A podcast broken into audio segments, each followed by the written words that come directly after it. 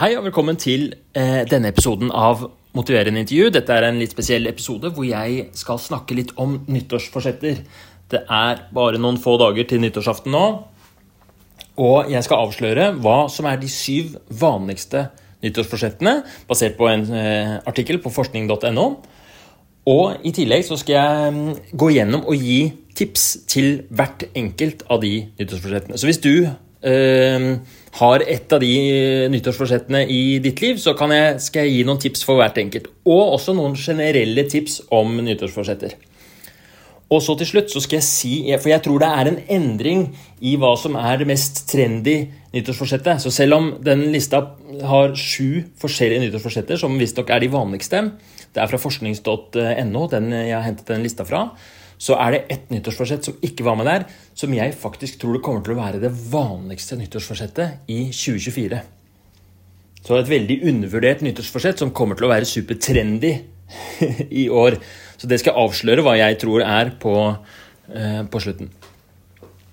Så, men vi begynner rett og slett eh, bare på lista, så, og så kommer det da tips underveis til hvert enkelt nyttårsforsett. Så hvis du har tanker om å ha et nyttårsforsett, eller hvis du kanskje lurer på hvilket nyttårsforsett skal jeg ha i år, skal jeg i det hele tatt ha et nyttårsforsett, hvordan skal jeg i så fall lage det, da er dette podkasten for deg. Her får du inspirasjon, får du konkrete tips for hvert enkelt av de mest vanlige, og eh, til slutt så kommer jeg til å si litt om det, det der nye trendy nyttårsforsettet som jeg tror kommer til å være det vanligste i 2024. Og så kommer jeg til å gi noen tanker og råd om endring og nyttårsforsetter i, sånn generelt da, på slutten.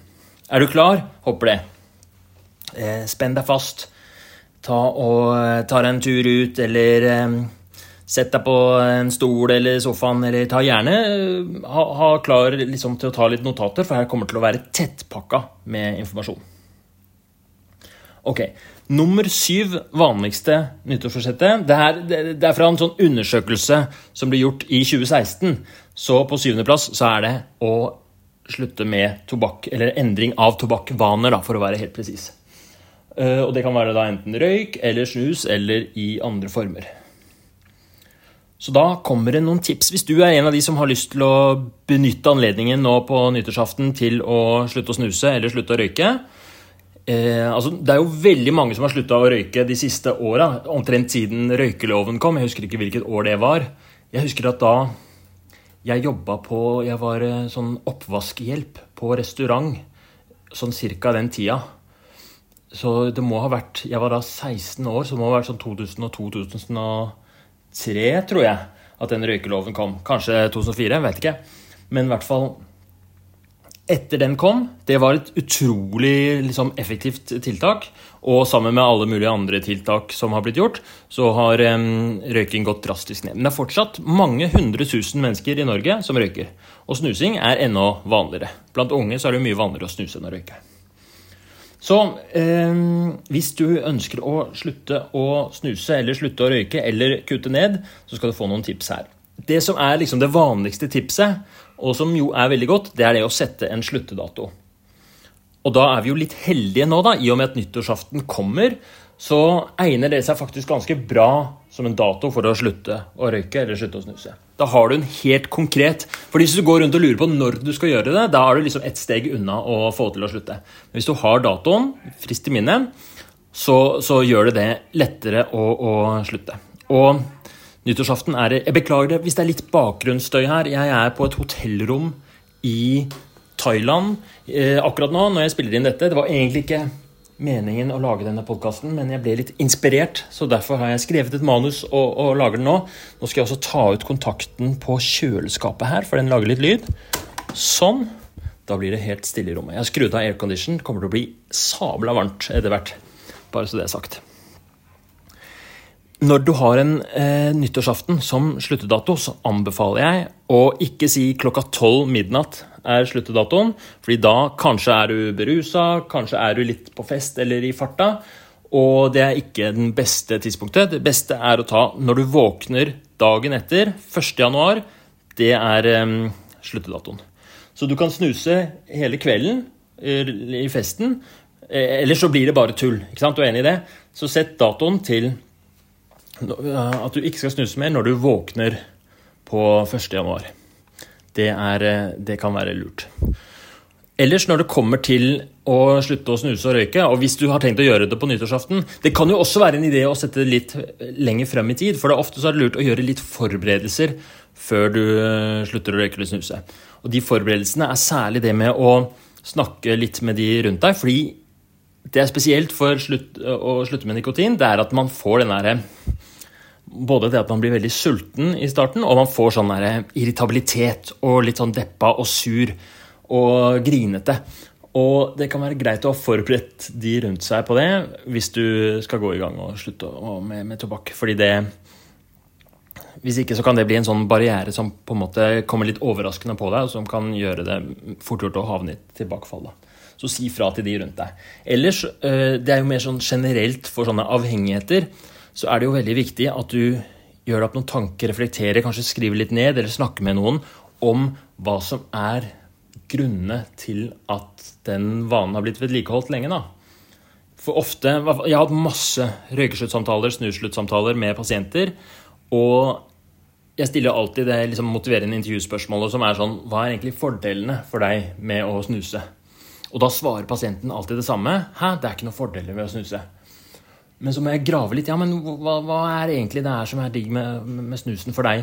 Og da kommer det sakte, men sikkert fram. Og de tingene der er litt viktig å få fram og være bevisst på. For det er grunner til at øh, man bruker, uh, har brukt den tobakken i alle år. Det har en eller annen funksjon for deg. Hva det er, vil være forskjellig fra person til person.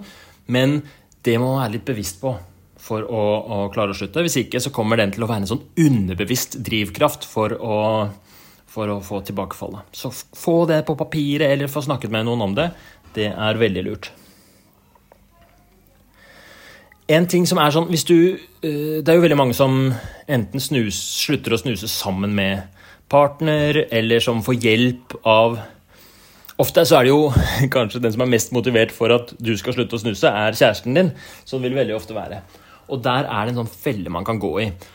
Fordi hvis det blir sånn at kjæresten din heier veldig, eller det kan være forelder eller familiemedlem eller kompis, heier veldig på at du skal slutte med snusen eller røyken, og det blir på en måte veldig sterkt i dynamikken, så kan den ytre motivasjonen der da, på et eller annet tidspunkt overskygge den indre motivasjonen du har selv til å slutte å snuse. Så det kan bli litt uheldig faktisk, at noen andre heier veldig på at du skal slutte å snuse. Da kan det bli litt sånn på trass, og at når du da plutselig har en litt dårlig dag, en litt dårlig periode, og så ender du med plutselig å liksom snuse i skjul eller ta en røyk i garasjen, så, sånne type ting, det vil man unngå. Så prøv å kanskje snakke med den andre om det, da, sånn at du ikke får den der dynamikken hvor den andre liksom presser på at du skal slutte å snuse, og så er du ikke helt sikker på hva er det egentlig, hvorfor vil jeg egentlig slutte å snuse. Sånn, et sånt triks som eh, jeg hadde eh, Jeg skal linke til alle episodene jeg nevner, men det var da eh, Anders som ville slutte å snuse her på, på podkasten. Han gjorde en deal med kjæresten sin hvor hvis han tok en snus, så måtte han betale 100 kroner til kjæresten. Og Det brøt opp den dynamikken litt, sånn at kjæresten kunne da være litt sånn erte han tilbake og si ja, men bare ta en snus, det koster bare 100 kroner, og tulle litt med det. Og bryte helt om på den dynamikken, sånn at hun nesten lokker han til å snuse. Og da, da unngår du den derre ulempen når den andre drar, og du liksom mister kontakt med din egen motivasjon. Gir det mening? Det er i hvert fall et tips. Å være litt bevisst på den der dynamikken der hvis man er i et parforhold og, den, og kjæresten også er veldig motivert til at du skal slutte å snuse eller røyke. Når det gjelder eh, sånn tobakksslutt, så er det ganske mye hjelpemidler som fins. Og det er litt undervurdert, men det er eh, betydelig større sjanse for å lykkes med snusslutt og røykeslutt hvis man bruker medikamenter som hjelper med cravings og, og, og sånn. Så det anbefaler jeg også hvis du setter seg som nyttårsforsett slutter å snuse eller slutter å røyke. Ta en, Bestill en time hos fastlegen, og hør om det kan være aktuelt med medikamenter. Uansett så kan det å ha fastlegen med på laget, eh, det kan være lurt. Det finnes også frisklivssentraler, det kommer jeg sikkert til å komme tilbake til i de andre tipsene også, som eh, finnes i de fleste bydeler og kommuner, hvor man kan få hjelp av en eller annen eh, som jobber der, til, til typisk til da, sånn levevaneendringer som å slutte å røyke eller slutte å snuse. Kanskje er det aktuelt med røykeplaster eller tyggis eller eh, sånne ting. Det kan, det kan hjelpe for noen. Jeg snusa faktisk eh, for lenge siden. Jeg tror jeg slutta for ca. 15 år siden. Um, og da, for å være helt ærlig, det er jo kanskje litt flaut, da, siden jeg er sånn motiverende intervjufyr nå, men det var jeg ikke da. Men da jeg leste den der 'Endelig ikke-røyker' av Alan Carr, funka som bare det. Så det kan jo også være et tips. Det Problemet med den boka er at den er så utrolig kjedelig og gjentagende, så det er litt sånn tungt å komme seg gjennom. Men hvis du leser den fra start til slutt, så er det vanskelig å ikke, ikke slutte, faktisk. Um, så det var den syvende vanligste eh, nyttårsforsettet. Så går vi til nummer seks. Det sjette vanligste nyttårsforsettet ifølge den artikkelen fra forskning.no, jeg kan linke til den i beskrivelsen, det er å lykkes på jobb og i studier. Eller å, å bli bedre på jobben eller på studiene. Og det kan jeg tenke meg er veldig vanlig. Sikkert mange som hører på, som har hatt, for hatt eksamen til jul. Da, ikke sant? Og så var det sånn Det var ekstra stress i eksamenstiden, og det gikk ikke så bra som du håpte. Og så tenkte du, som jeg også har tenkt mange ganger, neste år, da skal det smelle. Da skal jeg få det til. Så det er et fint eh, og vanlig nyttårsforsett, og eh, da skal du få noen tips til hvordan du kan lykkes med det.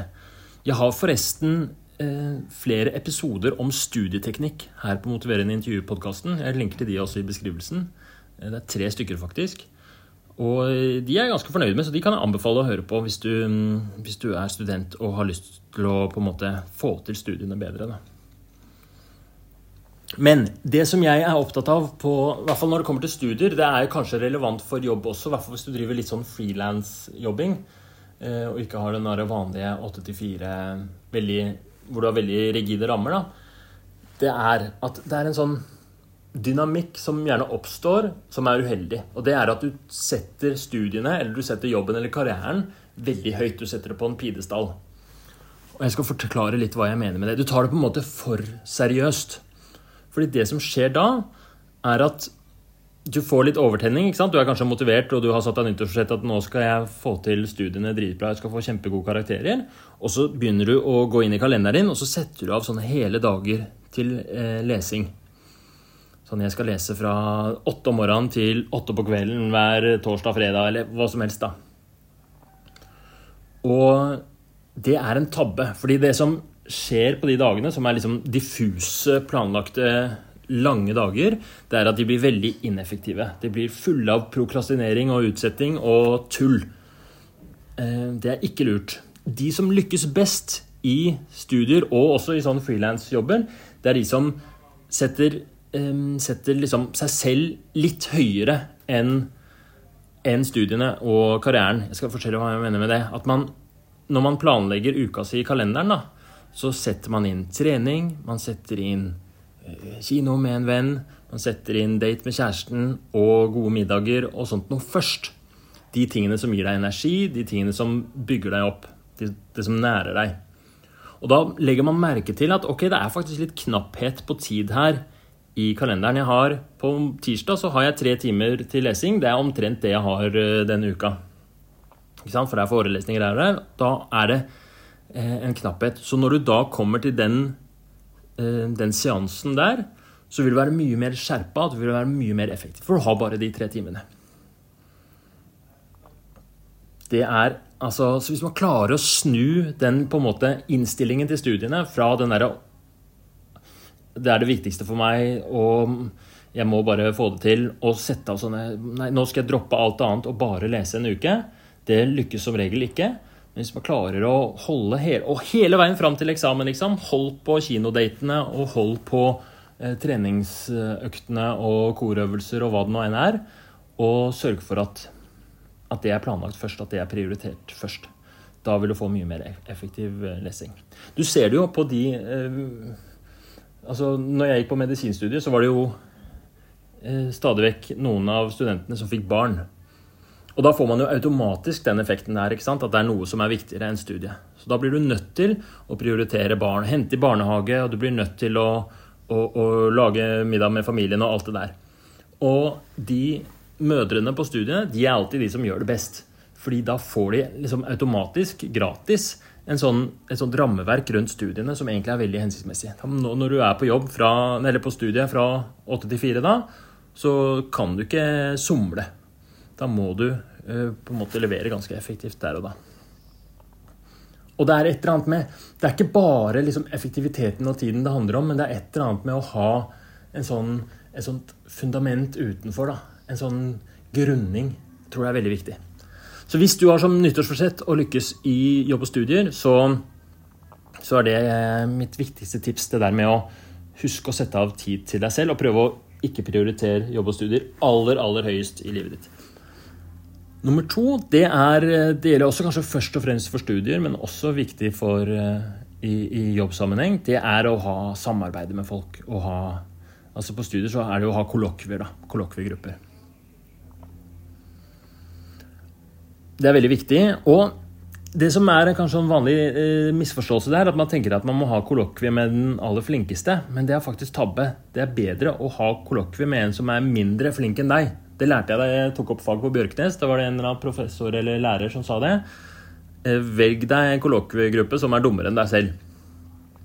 Og eh, fordi det man lærer mest av, det er jo å lære bort. ikke sant? Så hvis man er på kollokviegruppe med masse sånne genier og blir sittende og være litt passiv og bare høre på de snakke, så får man mindre ut av det.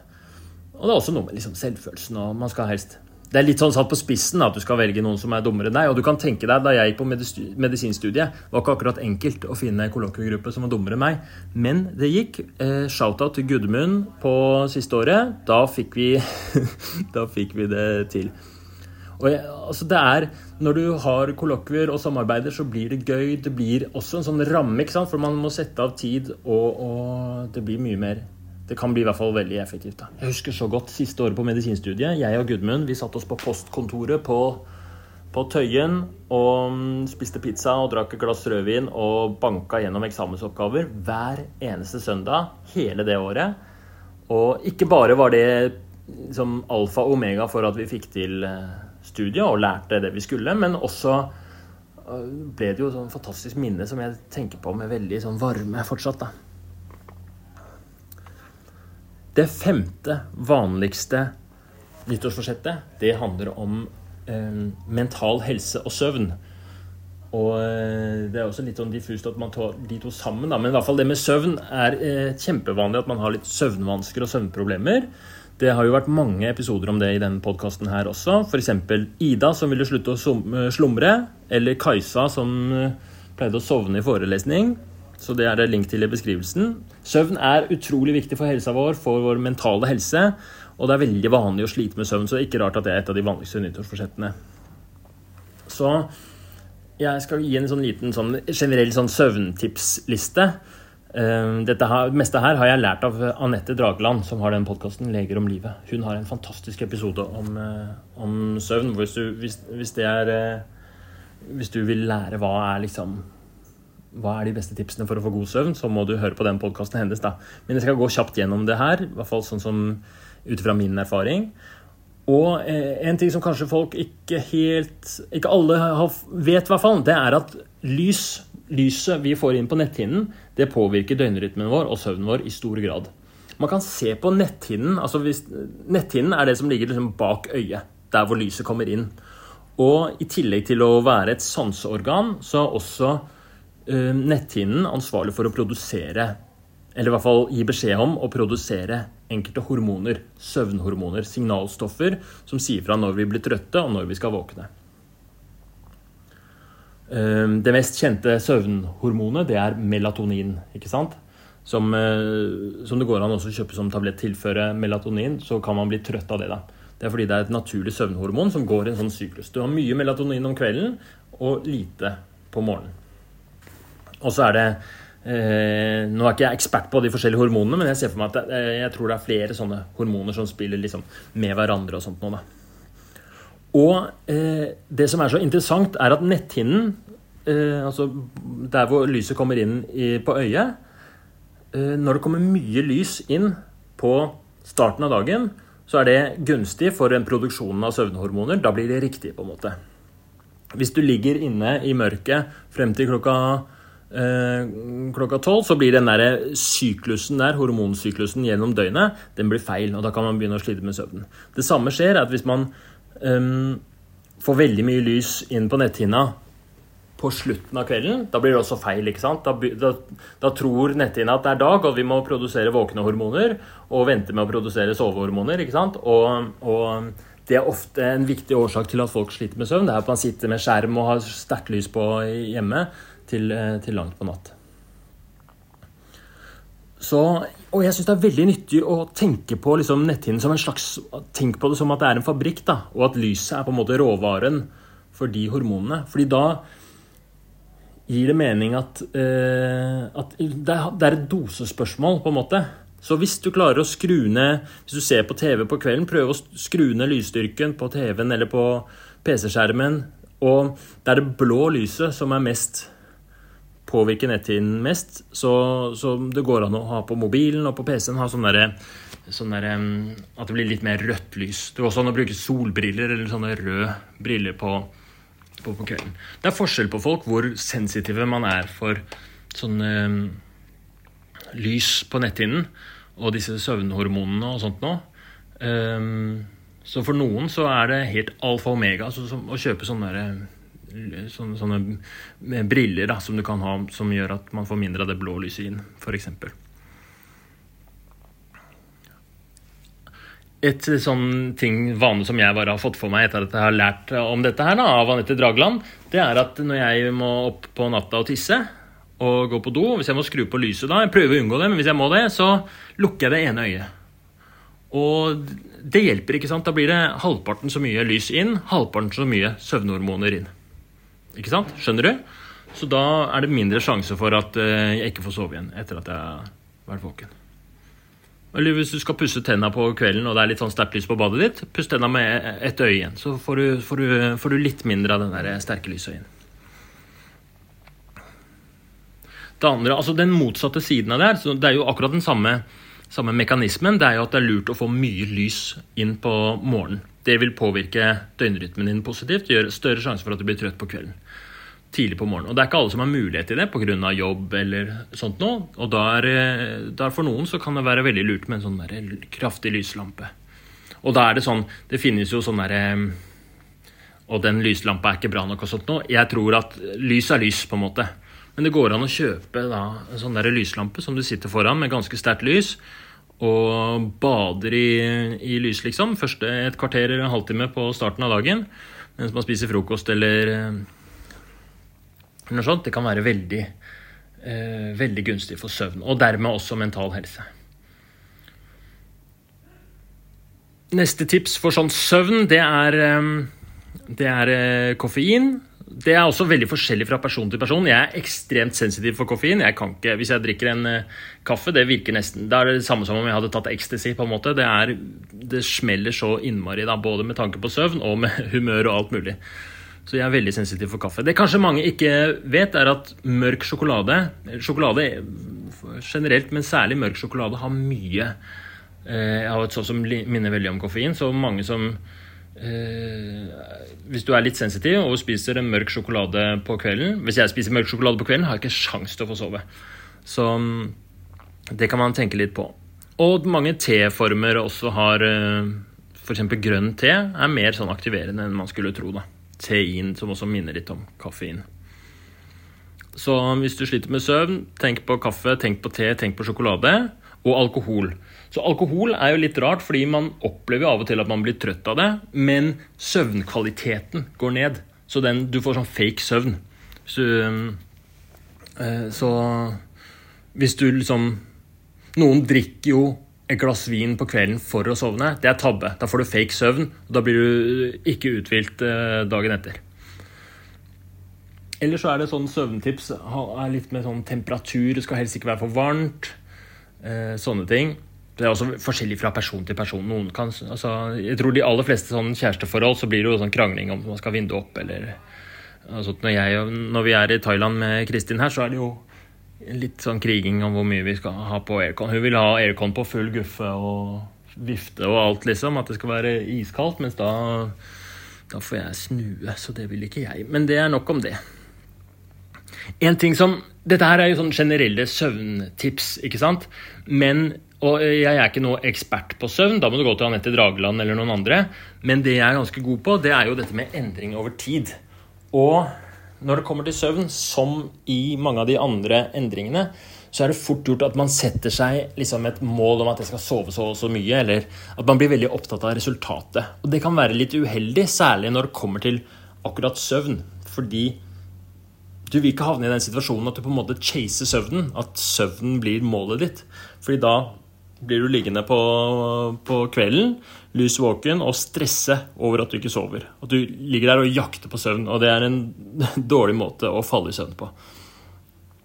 Så da kan det være lurere å sette istedenfor et på en måte resultatmål, så setter man et såkalt prosessmål. At målet, nyttårsforsettet ditt, er ikke å sove bedre, men nyttårsforsettet ditt er å bruke eh, lyslampa. Eller å ikke spise mørk sjokolade etter klokka da og da. Det vil være mer effektivt pga. den der psykologiske, den indre dynamikken du får med at, liksom, med at du ikke jakter på søvnen. Når du ligger på natta og ikke får sove og, og, ligger i senga Hvis du er helt megarastløs, så burde du ikke liksom prøve å sove. Da burde du heller stå opp og prøve å gjøre noe annet.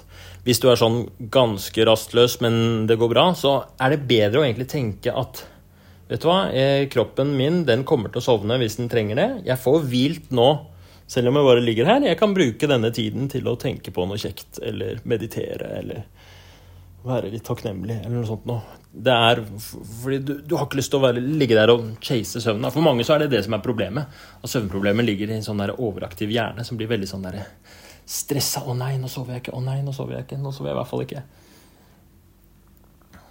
Så det er også noen sånne tanker om søvn. Det er en sånn intervensjon som vi eh, Hvis man har en pasient som har store søvnproblemer, så bruker man av og til noe som heter paradoksal intervensjon som er at man eh, Eller sånn søvnbegrensning.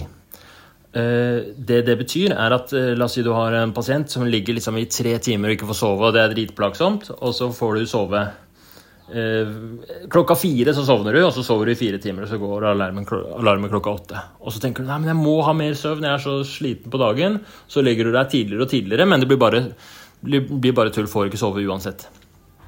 Det man gjør da, er at man registrerer hvor, nøyaktig hvor mange Du lager sånn søvndagbok. Hvor mange timer med søvn fikk du?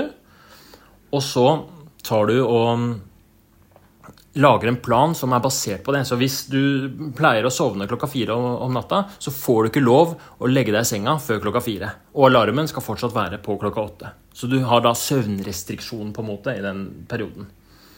Og det som skjer da, er at du trener opp kroppen din til at når du er i senga, det er eneste sjansen du har til å sove, og den sjansen er kort. Og da vil kroppen etter hvert skjønne at ok, er, jeg, jeg, kan ikke surre rundt eh, ligge der og Det blir liksom en Det blir jo blir en uvane at du ligger i senga og tenker. At kroppen lærer seg til at senga det er sånn stressetid. Så ved å ha en sånn litt paradoksal intervensjon hvor du da begrenser søvnen, så får du ofte, ofte så får man veldig gode resultater av det. Det er tungt i starten, da, for du, da har du lagt opp til at du bare får fire timer søvn.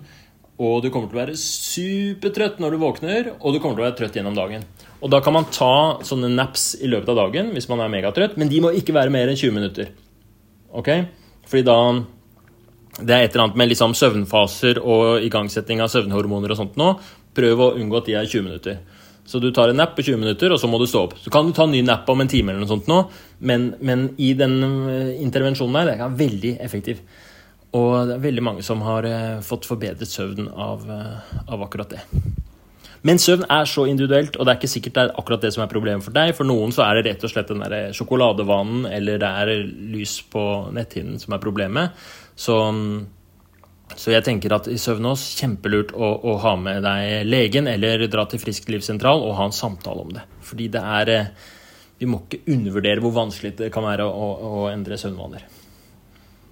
Det var da det femte vanligste nyttårsforsettet. Nå kommer vi til nummer fire. Det er personlig utvikling. Altså, Jeg syns alle disse nyttårsforsettene er jo egentlig personlig utvikling. Og jeg syns det er litt rart at man skiller gjennom Skiller den ut, på en måte, fordi eh, hvis du får til å endre søvnvanene, eller hvis du får til å slutte å snuse, så er jo det en personlig utvikling. Men det de mener i, i, på, i denne kategorien, det er på en måte mer sånn at man endrer på holdninger og liksom sin karakter. da. Jeg kan se for meg at man, liksom, mitt nyttårsforsett er å bli mer tålmodig, eller å bli klokere. Og det er greit nok, men da har jeg et ganske sånn tydelig råd til akkurat den typen nyttårsforsett. Og det er at det er lurt å være mer konkret enn det. Fordi når skal du vite om du har blitt klokere eller om du har blitt tålmodig, det er umulig å merke. Det er ikke målbart i det hele tatt. Så hvis du ønsker å bli eh, klokere, så ville jeg heller hatt et nyttårsforsett som var f.eks.: Jeg skal lese så og så mange bøker i år. Jeg skal lese ti bøker i år. Da blir du klokere, men det er i hvert fall målbart. Eller hvis du har lyst til å bli mer tålmodig, så kan du si jeg skal gå på uh, tre opera- eller teaterforestillinger. Da det krever tålmodighet. Syns i hvert fall jeg det. Eh, så eh, det er det jeg har tenkt å si om denne nummer fire, personlig utvikling. Men nummer tre, her kommer den jeg har mye jeg skulle sagt om, og det er endre kosthold. Eh, det tredje vanligste nyttårsforsettet er å endre hva vi spiser. Her er noen tips hvis du vil endre kosthold. Det, er, det som er vanlig, er at man liksom sier 'jeg skal spise sunnere', og så blir det med det. Det er veldig viktig å spesifisere og konkretisere her. Uh, og gjerne begynn med én en enkel endring. ikke sant? Uh, kanskje skal du ha som nyttårsforsett at du skal spise salat til lunsj på, i, i, kantina på jobben. Eller eh, begynne å bake grovbrød. Mye smartere å begynne med en enkel litt sånn, den kanskje en sånn det er en sånn metafor jeg bruker veldig ofte i samtalene mine om endringer generelt. da, Og gjerne når det er snakk om kosthold. og Det er å finne hva er en, liksom en sånn lavthengende frukt. Hva er det som er enkelt for meg å gjøre en endring på, men som samtidig vil ha en eller annen effekt på det jeg ønsker å endre på. Og jeg synes ofte det er en sånn Når det er snakk om kosthold, så er det veldig mye fokus på hva man ikke skal spise. Og jeg tror det er smartere som regel å begynne med hva er det jeg skal spise mer av. Veldig ofte, fordi Kosthold henger ofte sammen med vektnedgang. ikke sant? Så man tenker at man skal kutte ut sukkeret, man skal kutte ut brusen og kutte ut eh, sjokoladen, potetgullet. Men eh, jeg ville heller begynt med det man erstatter det med, og få inn noen gode vaner med at åh, på, jeg spiser, eh, spiser noe, noen nøtter til kveldsmat, eller, eh, eller eh, jeg skal fylle kjøleskapet fullt av, av paprika, eller hva det er for noe som du syns er godt. da, ikke sant? Lettere å føre inn enn å fjerne når det kommer til kosthold. Så eh, kosthold er jo veldig individuelt, både sånn det psykologiske rundt hva man spiser, men også fysiologiske, hva man reagerer på, hva man tolererer, hva man er allergisk mot, hva man, eh, hva man får bra energi av. Så Det er derfor det er så utrolig vanskelig med de der generelle kostholdsrådene. ikke sant? At det blir jo masse debatt og krig om de rådene hele tiden. Eh, så, men jeg, jo, jeg, klarer jo ikke å la være å komme med mine generelle kost, kostråd. Herman Egenbergs eh, kostfilosofi. Det er Og det tror jeg er litt undervurdert, eh, men spis mer fiber. Fiber er det viktigste, syns jeg. Fiber er på en måte Du har proteiner, du har karbohydrater, og så har du fett. ikke sant? Men fibre er det som du mater tarmbakteriene dine med de, det som ikke tas opp i kroppen, men som mater tarmbakteriene. Og tarmbakteriene de trenger masse fiber for å ha det bra. Og når de har det bra, så bidrar de i tarmsystemet med å regulere protein, sukker, fett opp og ned. ikke sant? De passer på at kolesterolet er riktig, de passer på at det ikke blir for høyt eller for lavt blodsukker.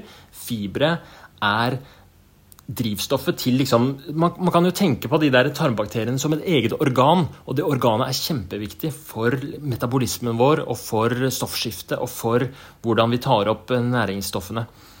Så, og det er ekstremt vanlig å ha fibermangel i kostholdet sitt. Fordi veldig mye sånn prosessert mat har, eh, lav, eh, har mindre fiber enn eh, det vi trenger. Så Fiber finner du jo, for de som ikke vet det, fiber fins i de aller fleste grønnsaker har masse fiber. Frukt har masse fiber, nøtter har masse fiber. Men hvis det blir prosessert, f.eks. Eh, potetstappe fra pulverkonsentrat eller eh, appelsinjuice uten fruktkjøtt, da har du ikke noe fiber igjen. Da har du bare karbohydratene og bitte litt fett og proteiner igjen. Ikke sant? Og da, når du drikker den juicen, så får tarmbakteriene De sulter jo det er sultefòring av det stakkars organet, så det organet virker ikke i det hele tatt. Og øhm, du får masse sukker, og det sukkeret bare skyter blodsukkeret opp, og det er uheldig. Hvis du hadde hatt fiber der i tillegg, så ville, vært, øhm, så ville den tarmbakterieorganet på en måte kunne hjulpet til å regulere blodsukkeret. Gir det mening? Så, så, lenge du har nok fiber, det er det aller, aller viktigste, spør du meg, da. Um, en annen ting som er kjempesunt i kostholdet, som er litt undervurdert, det er farger. De, uh, og det er, ikke, det, er, ikke, sånn Noen tenker sånn ja, fordi grønnsaker med masse fine farger ofte er sunne av andre årsaker. Faktisk, de fargestoffene er veldig sunne de naturlige fargestoffene. Da mener jeg ikke øh, den oransje krokodillen i smågodtet, liksom. Da mener jeg de blå bærene i blåbær, liksom. Det blå stoffet, det er veldig sunt. Øh, det røde i rødbetene og rødkål og sånt da, veldig sunt. Det gule og oransje i øh, gulroten, veldig sunt.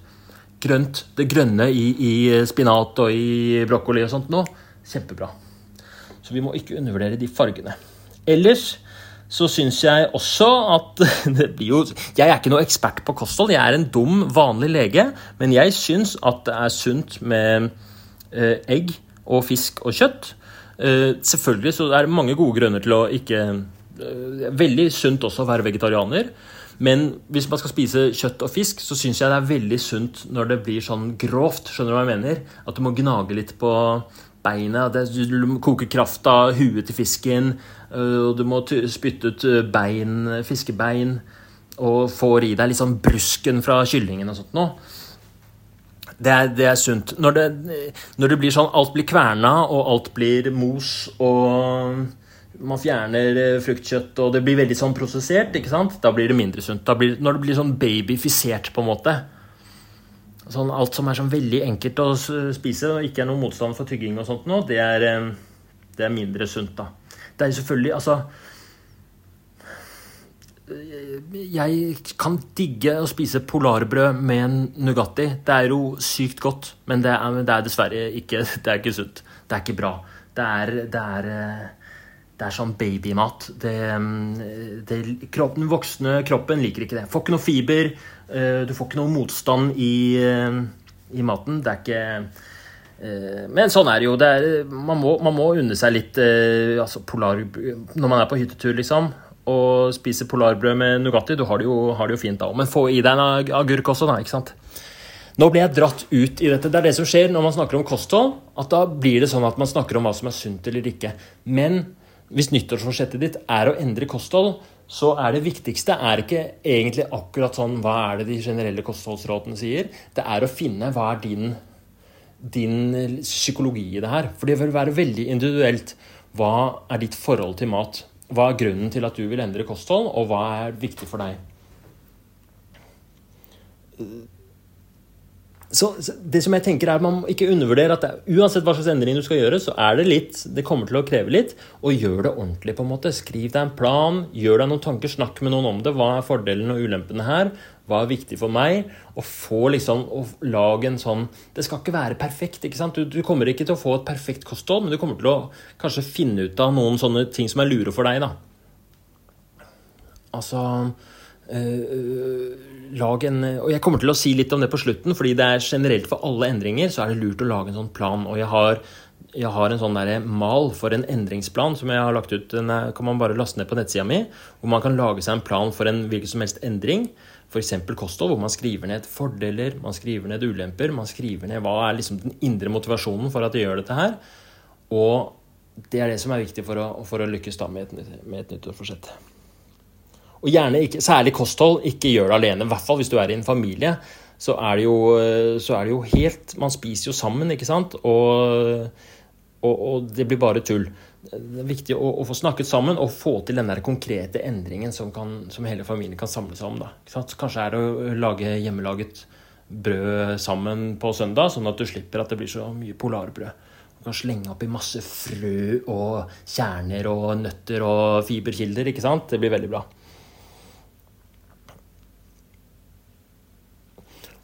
I sånn, altså Mat er så tett knytta til kulturen vår og til følelsene våre, og det må vi liksom anerkjenne.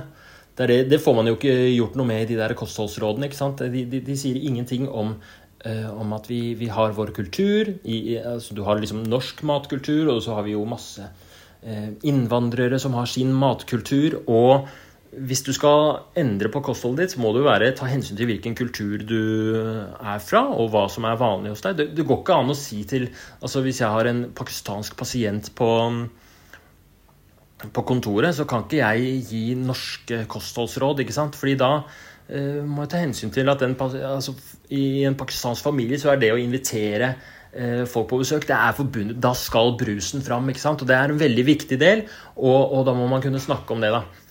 Og, og eh, nei, Jeg husker det så godt. Jeg hadde, på, da jeg gikk på barneskolen, hadde en kompis fra Tyrkia. og Da det, fikk vi alltid sånn te. ikke sant? Sånn tyrkisk te med dritmye sukker oppi. Og det var det beste som finnes.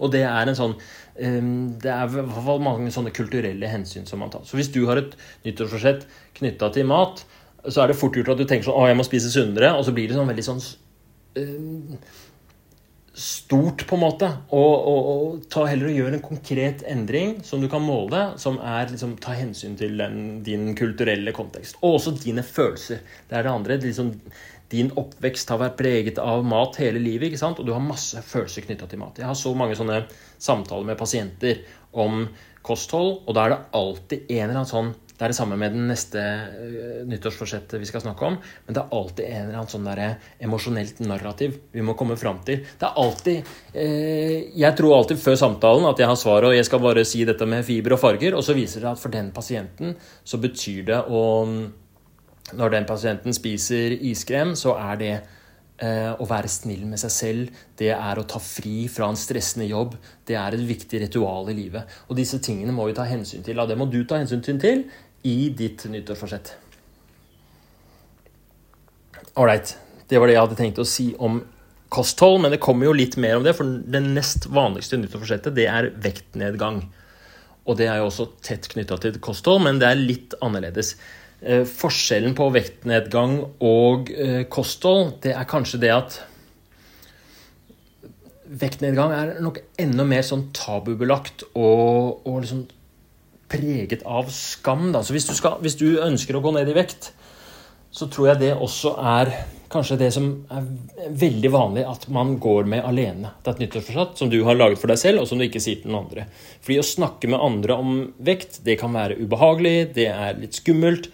Og det leder også det har jo litt med det som de som har fulgt med på podkasten mye, de vet at et av mine liksom, favorittkonsepter, eller noe som jeg ser på som veldig viktig, det er det som heter korrigeringsrefleksen som er våre menneskers tendens til å gi råd og anbefalinger når vi egentlig ikke burde det, når vi egentlig burde være nysgjerrige. Så hvis, så hvis du ønsker å gå ned i vekt, og du sier til venninna di jeg har tenkt å gå ned i vekt, så kommer venninna di i løpet av 0,4 sekunder til å begynne å gi deg anbefalinger om trening og kosthold. Og det blir en samtale som kommer til å være ubehagelig for deg og frustrerende for henne. Fordi det kommer til å være masse motstand der. Så det gjør det vanskelig for deg å ta kontakt med noen og dele ditt ønske om å gå ned i vekt med noen. Og Resultatet blir at du liksom lager deg en plan om det alene, og den planen blir kanskje veldig lite bearbeida. Det blir bare sånn tanke i bakhodet. 'Nå skal jeg klare det', uten at det er veldig, sånn, det er veldig gjennomført. Da. Så rådet mitt er, eh, når det går til vektnedgang, da veldig lurt å ha en samtale med noen profesjonelle om det. En eh, fastlege eller frisklivssentral på det. For da kan man ha motiverende intervju, man kan lage en plan. Og eh, jeg har jo også hatt samtaler om vektnedgang med mange pasienter. Og det har hatt det med en på podkasten på Motiverende intervju. Vi har hatt nå ti samtaler. Og de, skal, de kommer til å komme sånn i, i februar-mars kommer vi til å legge ut den serien. En veldig modig dame som ønsker å gå ned i vekt. Og det som er så interessant med vektnedgang, at der også er det alltid en eller annen eh, sånn emosjonell historie, en aha-opplevelse som vi må komme fram til før vi kan virkelig begynne å, å finne ut av det der med, med vekta. For det er knytta til så mye følelser, vaner, tankemønstre, eh, avhengigheter. For mange så er det jo liksom sukkeravhengighet eller avhengighet av mat som er en sånn veldig viktig ting. Overspising, spiseforstyrrelse. Eh, jeg har pasienter som, som for dem så er vekt det er en måte å beskytte seg mot traume. For hvis de spiser mye, så blir de, eh, da blir de trygge. For da blir de overvektige, og da vil de ikke Eh, de være utsatt fordi de ble utsatt for overgrep en gang. ikke sant? Det er, eh, det er flere eksempler på. En annen pasient som bodde på institusjon, for henne var det å spise var en slags sånn trass, en slags sånn der motstand mot eh, mot all Hun hadde veldig mye sånn blodtrykk og, og diabetes og sånt noe, så det var veldig mye veldig mye prøver hele tiden. Stikke fingeren for å måle blodsukker og måle blodtrykk. Og det var, det var sånn konflikt mellom henne og sykepleierne. ikke sant? Så det å spise noe usunt var en sånn der, måte for henne å ta tilbake makt på. Du har sånne intrikate psykologiske mekanismer som driver den der vekten. Da. Og det er veldig, en veldig stor del av det, det er skam. Og skam den må frem i lyset, og den må snakkes om. Og det må snakkes om med en som klarer å håndtere den skammen og klarer å si 'vet du hva, det kan jeg forstå', og, og som klarer å formidle tilbake til deg at du er ikke et dårlig menneske bare fordi du har denne skammen. Du er ikke et dårlig menneske fordi uh, du har overspist, eller fordi du er uh, overvektig. Og uten det hvis det bare blir, hvis den nyttårsforsettet om å gå ned i vekt bare blir en sånn tanke du har med deg selv, som går og lurer i bakgrunnen, så kommer den skammen til å være der og kommer til å gjøre det veldig vanskelig. Og da får du den derre at du får det til kjempebra på starten av dagen, og så binge-eater du på slutten av dagen. Og sånn spiseforstyrrelsesmønster og avhengighetsmønster. Ja, Vektnedgang kunne vi sikkert snakka om i lenge, men, men uh, mitt tips er i hvert fall å, å og prøv å i hvert fall få snakka med noen om det, da. Prøv, og, og, og jeg tror den derre podkast-episodeserien Det blir da altså ti serier, ti episoder om, med den deltakeren som ønsker å gå, i vekt, gå ned i vekt. Det kommer til å være veldig nyttig å på en måte være med på den reisen. Um, så i hvert fall, uh, Poenget mitt er at det er ikke sånn altså, Når man snakker med med, om vektnedgang, så kan det av og til komme den der litt sånn arrogante Ja, men det handler jo bare om å trene mer og spise mindre. Og, og hvis vi hadde vært datamaskiner som hadde operert helt logisk, så hadde det vært riktig. Men, men vi må huske på at vi er ikke det. Vi er kompliserte mennesker preget av vår historie, våre gener, våre mystiske drivkrefter og vår, kulturen vår og samfunnet vårt. Og hele den suppa der gjør det ganske krevende og gjør at vi må ta den, en sånn endring på alvor. Hvis, lag en ordentlig plan, finn noen å snakke med om det, ha noen som, eh, som hjelper deg. Og, og, eh, og da kan du, da, men da kan du faktisk lykkes veldig bra med det. Da. Hva tror dere er den vanligste nyttårsforsettet? Det jeg avsløres nå. Det er da trening. Så eh, hvordan få til, eh, få til, trening, hvis det er nyttårsforsettet ditt, å trene mer. Så der har jeg noen eh, tips på det òg. Det første tipset det er at eh, jeg tror mange har en slags sånn bilde av eh, hva trening bør være. Og jeg skal trene fordi Og det skal være treningsstudio, eller det skal være joggeturer ute. Og så tenker man at den formen for trening man driver med til vanlig, altså hvis man er glad i å gå tur, eller hvis man eh, spiller boccia eller eh, bader eller sånt, det teller liksom ikke. Det er i hvert fall min erfaring fra, fra samtaler om, med, med mm, podkastdeltakere eller pasienter om trening. Det er at man har, det er ofte sånn følelse av at det er bare én type trening som teller, og det er den der klassiske være på gymmen og, og, og ta Eller på tredemølle og at liksom Men det er veldig mye mer enn det som vanligvis betegnes som trening, som er trening. Så hvis du finner et eller annet som, du, som, som, er gøy, og det er bare at man blir litt svett av det, liksom, så ville jeg satsa på den formen for trening. Det er så mange som har fomo og tenker at jeg går glipp av noe hvis jeg, eh, hvis jeg ikke er på treningsstudio, eller hvis jeg ikke eh, løper, på en måte. Men, men eh, altså, det er samme for kroppen din hva som gjør den svett, bare den blir svett, på en måte. Om det er, eh, om det er pingpong, eller om det er fjellklatring eh, Det blir mye lettere å gjennomføre et nyttårsforsett hvis det er sånn konkret. Jeg skal, jeg skal klatre Eller jeg skal være på uh, ti toppturer i år. Heller enn jeg skal, jeg skal benke meg ned på gymmen to ganger i uka, fordi det er litt urealistisk, da. En sånn, eh, annen sånn felle man går i sånn psykologisk når man skal begynne å gå i gang med trening, er at man går ganske hardt ut. da.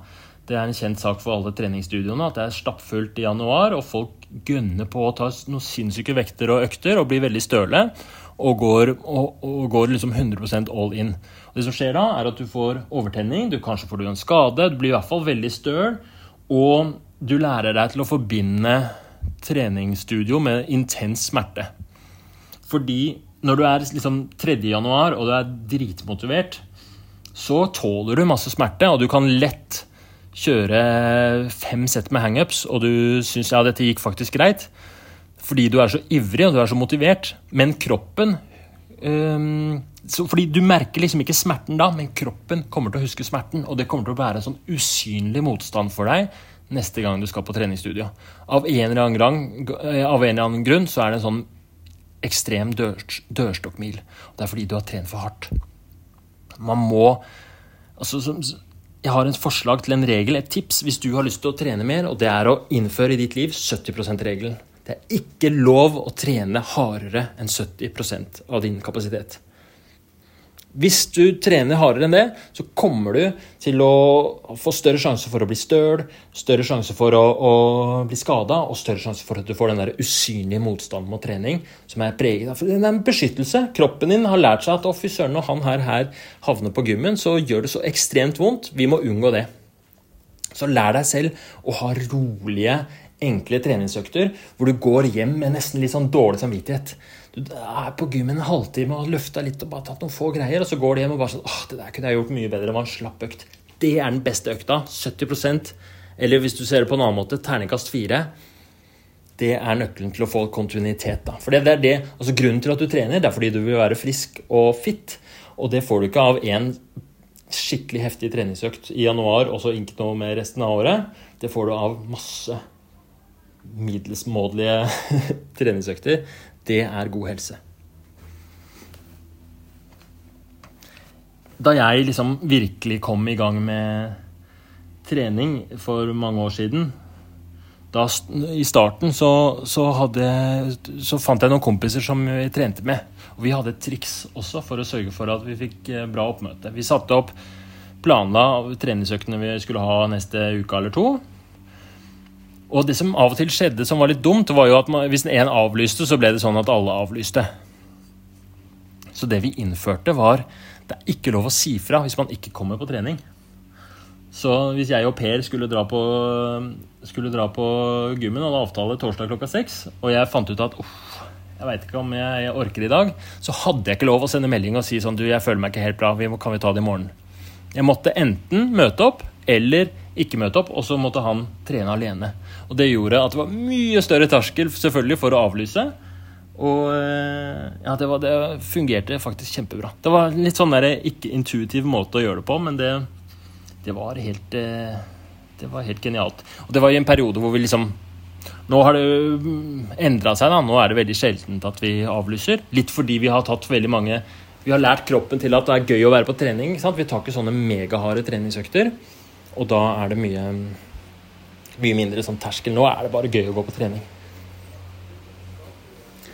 Så hvis du har nyttårsforsett om å trene, så, og særlig hvis du er en person som kanskje ikke har trent så mye før, så vil jeg også anbefale deg å finne en treningsform som fokuserer litt på dine styrker. Så nå pøsregner det ute, så det kanskje hører dere litt at det blir litt støy i bakgrunnen. Men jeg må bare fullføre denne podkasten her. Det er viktig. Det er nyttårsforsettet ditt som står på spill. Hvis du um, fokuserer på dine styrker, så er det mye større sjanse for at, um, for at du kommer til å synes det er gøy og kommer til å fortsette med det. Så for eksempel hvis uh, Det er litt sånn banalt eksempel. La oss si du er overvektig og har lyst til å begynne å trene og ikke har noe særlig erfaring med trening. Da ville jeg ikke begynt med klatring eller, eh, eller maraton. Fordi der, der, kommer du til å Sånn relativt til, til liksom de rundt deg føler det er litt sånn eh, Det kommer til å være vanskelig, da. Med mindre, selvfølgelig, hvis, hvis, du har lyst til det, kjør på. Men hvis du er sånn Hva er det egentlig lurer på hva jeg skal velge? Velg heller noe hvor du kan liksom eh, Hvor det er kort vei til mestring, da. Eh, så da kanskje heller begynne med bryting eller eh, vektløfting, ikke sant? hvor du kan herje litt og være litt, eh, være litt kongen eller dronninga. Det er bare en sånn liten tanke. Fokusere på styrkene dine. Og én ting er interessene, men også liksom, hva, er det, hva, er det, jeg er litt god på. da? Er du god til å liksom, smidig og stå på hendene og sånt? Noe? Fantastisk uh, form for trening. Og, og, og, fordi det kommer til å gi så mye motivasjon i seg selv, den derre mestringsfølelsen du får av å gjøre noe som du får til litt bra. Hvis det er en eller annen sport du drev med, på med i ungdommen, hvis du var ganske god i innebandy, prøv å få til uh, få til innebandy som en del av uh, Ha fortsette om det, heller enn, heller enn noe som du er helt Så jeg skal ikke begynne med svømming, for å si det sånn. Jeg er altså så dårlig i vannet. Så, og, men det går helt greit for meg. Jeg er god til ballspill og, og klatring og sånt nå. Det kan heller eh, Det er mye gøyere for meg å drive med det. Det er kanskje innlysende, men jeg syns det er viktig. Så nå nærmer vi oss slutten her. Nå kommer vi til det alle har lurt på helt siden starten av episoden. Hva er denne nye, trendy nyttårsforsettet som kommer til å være det mest populære nyttårsforsettet i 2024, tror jeg. Kan du tenke deg hva det er? Det er ikke nevnt av de syv vanligste. Det mest trendy nyttårsforsettet i 2024 kommer til å være økonomi. Det er jeg helt sikker på. Spare mer penger eller få kontroll på økonomien. Er, de siste to åra har vært knallharde for alle oss forbrukere. Strømkrise, rentestigning og inflasjon. Alt har blitt dyrere. Jeg tror det er veldig mange som nå er i den situasjonen at det har vært stramt lenge, og begynner å innse at oi, shit, dette her går ikke. Og da er 1.1 en gyllen anledning til å begynne å se på økonomien og spare mer penger. Jeg tror det kommer til å være veldig vanlig. Hvis du har tenkt til å ha det som nyttårsforsett eh, i 2024, så har jeg noen tips til deg på det. Og det er, når det kommer til økonomi, også veldig lurt å snakke med noen om det. fordi der også er det masse følelser, det er kulturting, det er vaner. Det er veldig fint å få snakket ut om sine fordeler og ulemper. Og mm, økonomi kan fint være en ting du kan dra til en frisklivssentral og, og, og snakke om.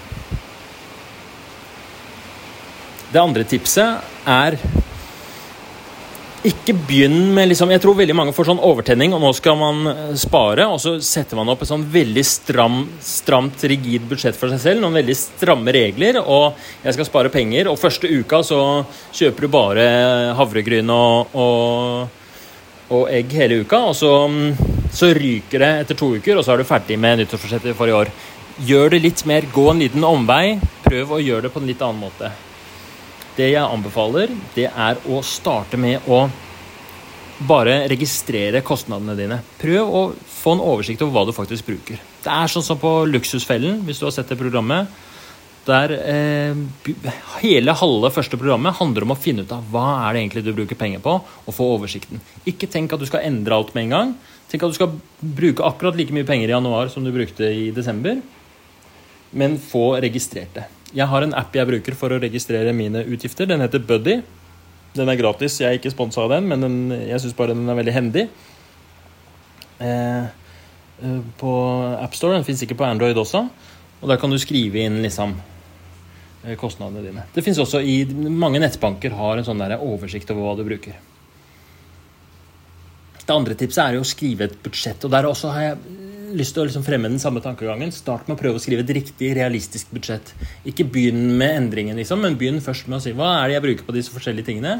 Hva er det jeg eh, Hva er mine faste utgifter? Hva er mine løpende utgifter? Hvor mye har jeg til overs i måneden? Eller hvor mye går jeg i minus i, i måneden? Og bare prøv å liksom tåle å være ærlig med deg selv og finne ut av hvordan det står til. Og For noen så kan det være ganske brutal lesning, men sånn er det bare. Vi kan, ikke, vi kan liksom ikke gjemme oss fra realiteten.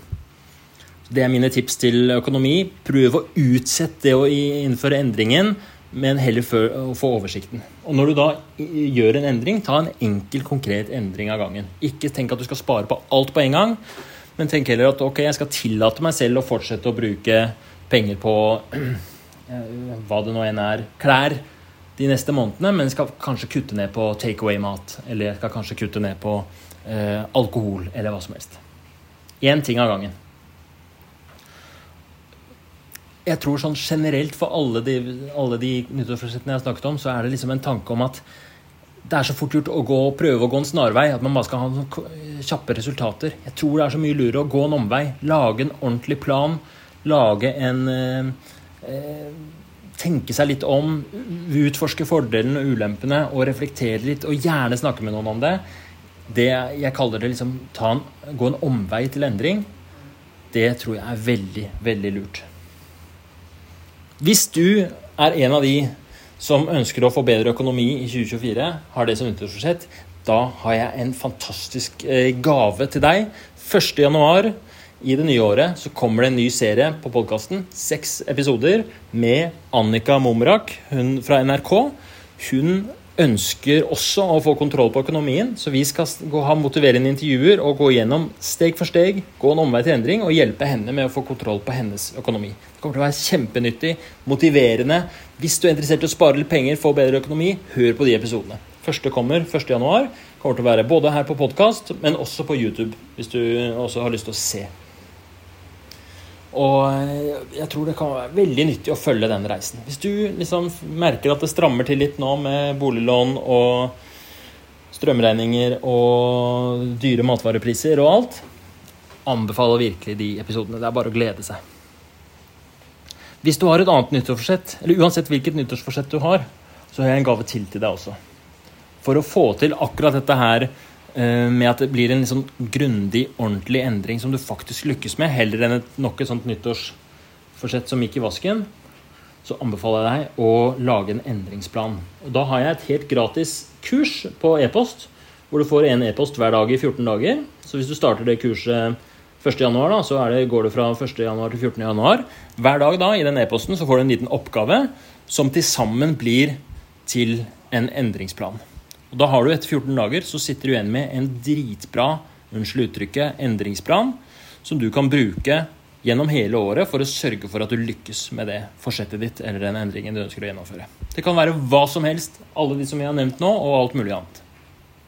Gå inn på hermanegenberg.com og bla deg ned til du ser en sånn blå fisk. Der er det sånn påmelding til det derre endringsplankurset. Helt gratis. Du kan melde av når som helst. Kommer ikke noe spam. Det kommer et nyhetsbrev en gang iblant hvor jeg skriver en tekst om, eh, om eh, motiverende intervju eller sånt. Det er jo bare en bonus. Det er ikke noe negativt. Eh, det er Ja, hvis du har nyttårsforsett om å bli litt klokere, så kan du følge det nyhetsbrevet òg. Jeg håper du fikk noe som helst ut av denne episoden. Jeg er gjennomsvett. Det pøsregner ute. Jeg gleder meg til å sette på aircondition igjen og sette på kjøleskapet. Jeg skal ta meg et glass deilig vann, spise noen cashewnøtter, kanskje fikse meg en kokosnøtt fra stranda her nede. Ha en herlig romjul videre. Lykke til med nyttårsforsettene, og ta en omvei til endring. Vi snakkes.